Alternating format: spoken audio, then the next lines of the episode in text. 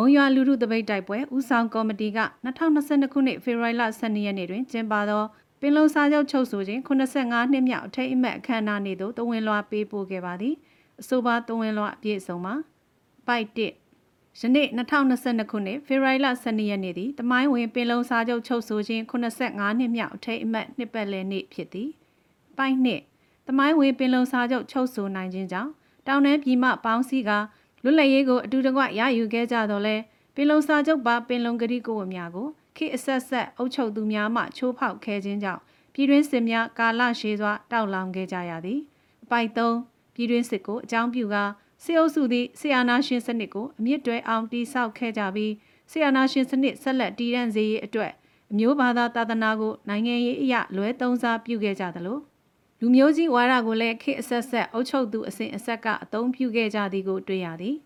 အပိုင်လေးလူမျိုးပေါင်းစုံပြည်သူလူထုအနေဖြင့်လည်းလူမျိုးကြီးဝါဒကိုလက်ကင်ပြူထားသည့်ဆီယာနာရှင်တွေနှင့်ခေအဆက်ဆက်အစိုးရများကြောင့်စစ်ဘေးဒဏ်များကိုနှစ်ပေါင်းများစွာခံခဲ့ကြရသလိုစီးရဲနွမ်းမမှုဒဏ်ကိုအကြီးအကျယ်ကြုံတွေ့ရင်ဆိုင်ခဲ့ကြရပြီးနိုင်ငံသည်လည်းဖွံ့ဖြိုးတိုးတက်မှုနှိမ့်ကျခဲ့ရပါသည်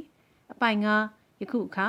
နွေဦးဒေါ်လန်ရဲ့ဤရည်မှန်းချက်ပန်းနိုင်သည် အတုအယောင်ပြည်ထောင်စုကိုအမြင့်ကလှမ်းကာ Federal Democracy ပြည်ထောင်စုသစ်ကိုထူထောင်တည်ဆောက်လိုခြင်းဖြစ်ပါသည်တနည်းအားဖြင့်နိုင်ငံရေးပြဿနာများ၏အဓိကအကြောင်းရင်းဖြစ်သည့်ဖက်ဒရယ်ပြည်ထောင်စုမတိဆောက်နိုင်ခြင်းနှင့်ဒီမိုကရေစီစိတ်သုံးခြင်းပြဿနာများကိုလူထုတော်လှန်ရေးကြီးအောင်မြင်အောင်ဆင်နွှဲခြင်းဖြင့်ဖြေရှင်းလိုခြင်းဖြစ်ပါသည်။ပိုက်6ဖက်ဒရယ်ဒီမိုကရေစီပြည်ထောင်စုထူထောင်ရေးကိုအဓိကတားဆီးနေသည့်ဘုံရန်သူစစ်အာဏာရှင်စနစ်ချုပ်ငြိမ်းရေးအတွက်လူမျိုးပေါင်းစုံပြည်သူလူထုတရက်လုံးနှင့် လူမျိုးပေါင်းစုံတော်လှန်ရေးအဖွဲ့အစည်းအလုံးမဟာဗျူဟာကြကြချိတ်ဆက်ပါဝင်နိုင်ရေးတို့အတွက်မြို့သားညီညွတ်ရေးအစိုးရအနေဖြင့်ယခုထက်ပိုမိုအားထုတ်ကြိုးပမ်းပေးပါရန်အလေးအနက်တိုက်တွန်းအပ်ပါသည်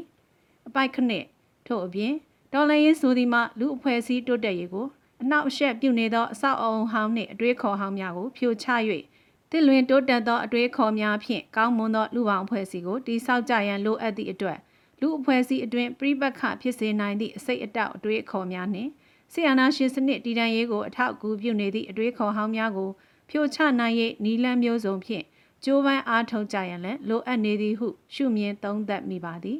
အပိုင်ရှိကျွန်ုပ်တို့မုံရွာလူထုတပိတ်တိုက်ပွဲဦးဆောင်ကော်မတီအနေဖြင့်လည်းဆီယနာရှင်စနစ်ချုပ်ငြိမ်းရေးနှင့် Federal Democracy ပြည်ထောင်စုထူထောင်ရေးတို့အတွက်လူထုလှုပ်ရှားမှုပုံစံမျိုးစုံကိုပြည်သူလူထုနှင့်တသားတည်းရက်တီက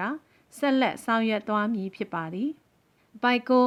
85နှစ်ပြည့်မြောက်ခဲ့ပြီဖြစ်သည့်ပင်လုံစာချုပ်ပါပင်လုံကတိကိုများဖြစ်သည်။အမျိုးသားတန်းတူရေးကိုပိုင်ပြထန်းခွင့်နှင့်ကိုပိုင်အုပ်ချုပ်ခွင့်များလက်တွေ့အကောင့်ထဲဖော်နိုင်ရေးတို့အတွက်မုံရလူထုတပိတ်တိုက်ပွဲဦးဆောင်ကော်မတီသည်လူမျိုးပေါင်းစုံပြည်သူလူထုကြီးနှင့်အတူတကွ